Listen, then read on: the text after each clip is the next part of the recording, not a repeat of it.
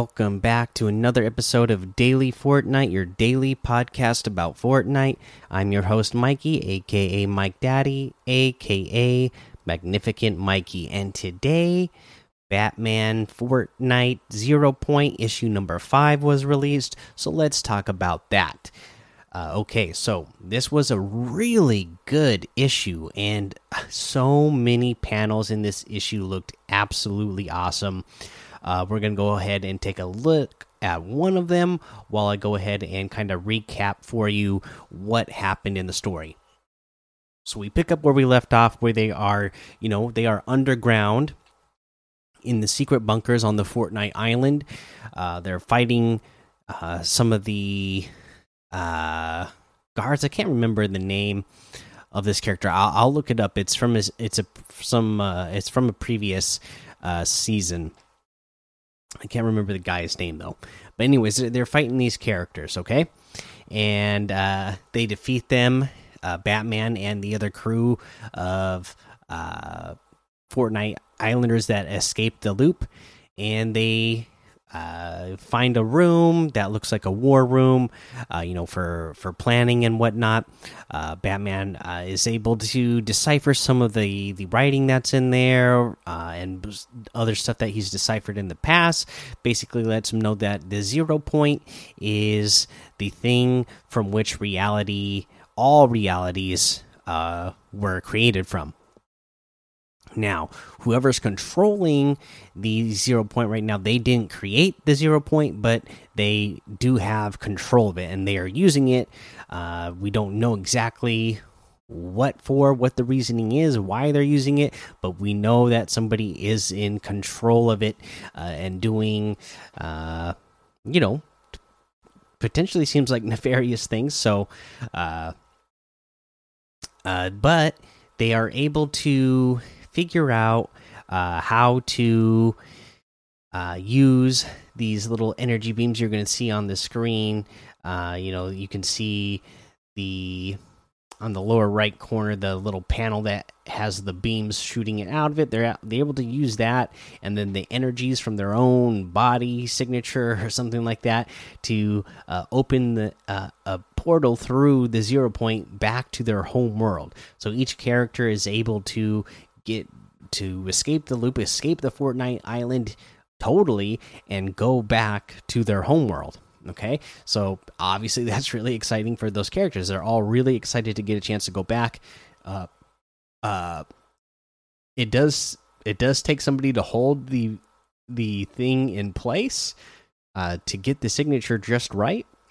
So they're they're gonna have to uh, you know, they decide they have to uh, have Batman, Catwoman, and a Deathstroke be the last ones to leave because uh, it would take all three of them to use the energy from themselves and lining it up just right so that it would be open long enough that all three of them would be able to escape the same time. That way, nobody has to stay behind to hold the portal uh, in place or whatever.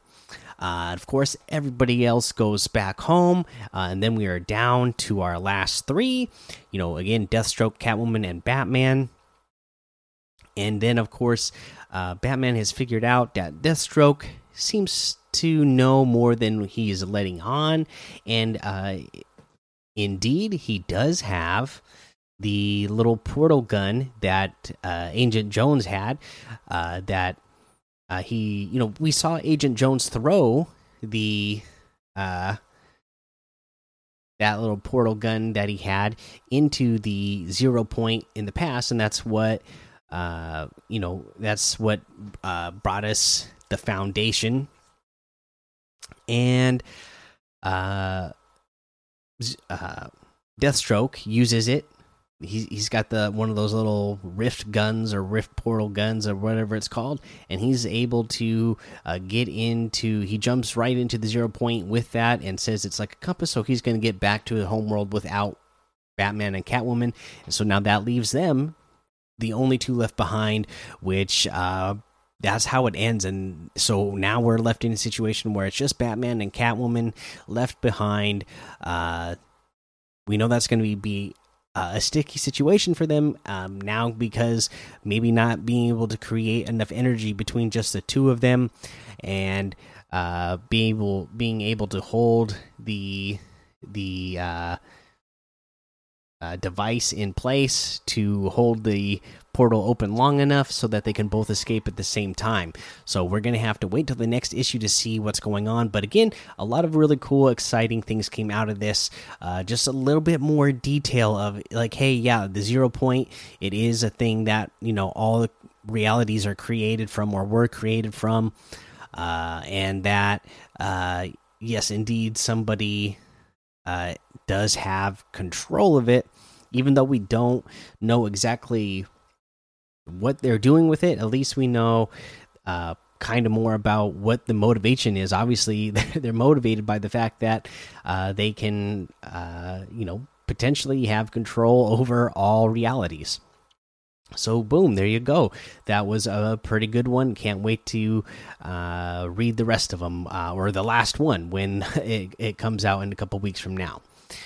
Uh, now let's go ahead and let's see. The next thing I wanted to talk about was uh, this little update that they had for us on competitive. Okay, uh, they say we have removed the railgun and the recon scanner from competitive playlists. We'll let you know if there are additional updates to competitive gameplay. So again, uh, we, you know, that I that was something that I thought might uh be an issue for competitive players, something that they would not appreciate. Uh, and sure enough, there must have been enough feedback that uh, they have already gone ahead and removed it from uh, from competitive playlists. And again, that's why I'm I'm just loving the idea of them doing a couple weeks of preseason at the beginning of a new season every uh, every season to uh you know give everybody a chance to see what they like about that season's loadout or that season's loot and uh, figure out what uh, feels good for the comp competitive community and and what doesn't. And being able by the time you know by the time FNCS actually starts uh, having it right. So uh, so that we can get the best gameplay uh, that we can and so that the uh, competitors will have the best situation of that season that they feel like uh, they can get. Uh, so there was that. That was pretty cool that they uh, did that so quickly. And then uh, the other thing I wanted to mention uh, is another blog post uh, that is a really cool one that we'll go over right now that has to do with uh, concept art. So bring your art to Fortnite. Concept Royale is on.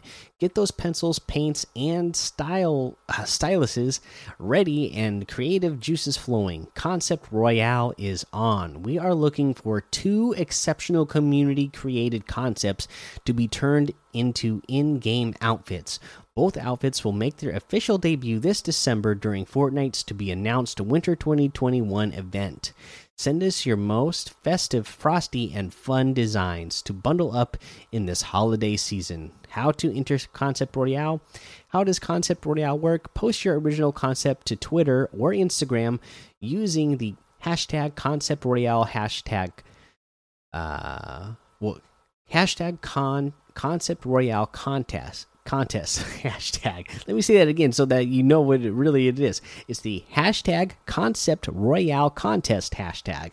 So the top two entrants will have their concepts turned into in-game outfits in Fortnite and will also each receive a $2,500 cash prize.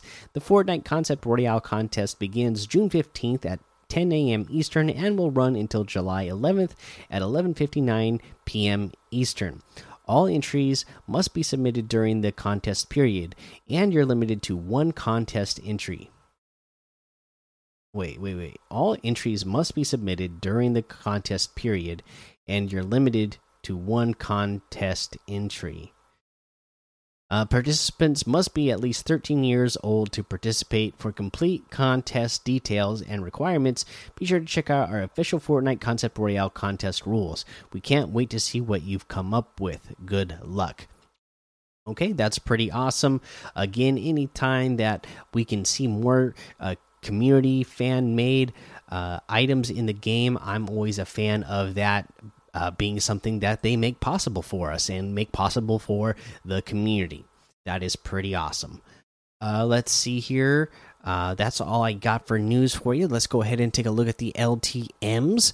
We got Team Rumble, the vehicle game showcase, uh, the uh, the I can't remember the full name of this one. It started over, so we'll just say the Zone Wars Water Water Park out uh, Outbreak Battle Lab, uh, yellow green, uh, purple and green versus no, what is it? The uh, uh, yeah, purple and green versus yellow and no the red and green versus yellow and purple uh car game okay uh, so that's your ltms today and then uh, we got some new challenges that came out today. So uh, here they are. Okay. And you know what? Let's go ahead and give a little update about this as well. So they say this week's Epic Quests became available today, but keep in mind starting next week, Epic Quests will come out at their normal time on Thursdays.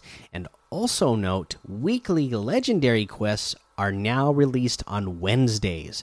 So the legendary quests will be out on Wednesdays from now on, uh, and uh, starting next week, uh, all the other uh, weekly quests will be out on the normal time on Thursdays.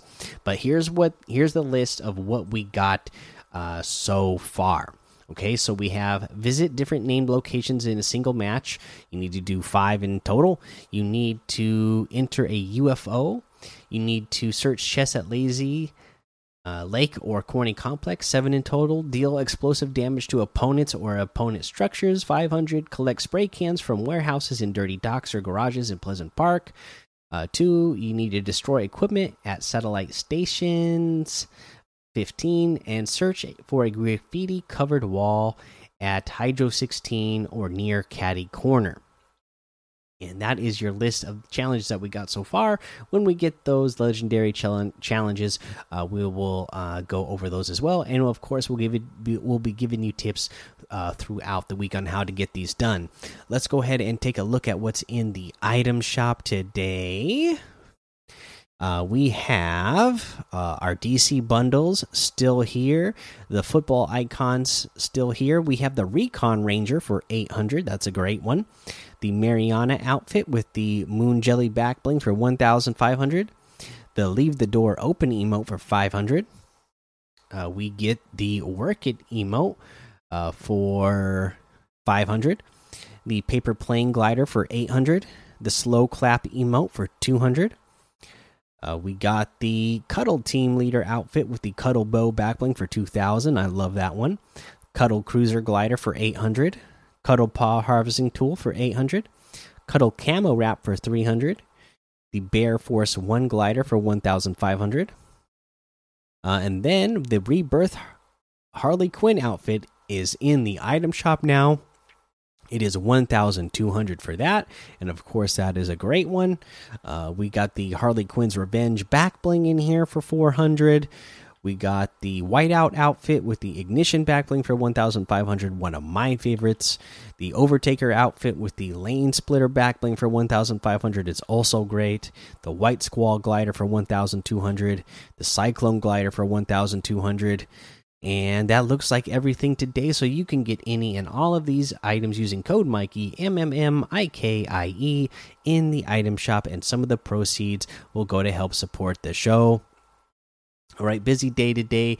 No tip of the day for you, but make sure you go join the daily Fortnite Discord and, and, hang out with us. Follow me over on Twitch, Twitter, and YouTube. Head over to Apple Podcasts, leave a five star rating and a written review for a shout out on the show. Make sure you subscribe so you don't miss an episode. And until next time, have fun, be safe, and don't get lost in the storm.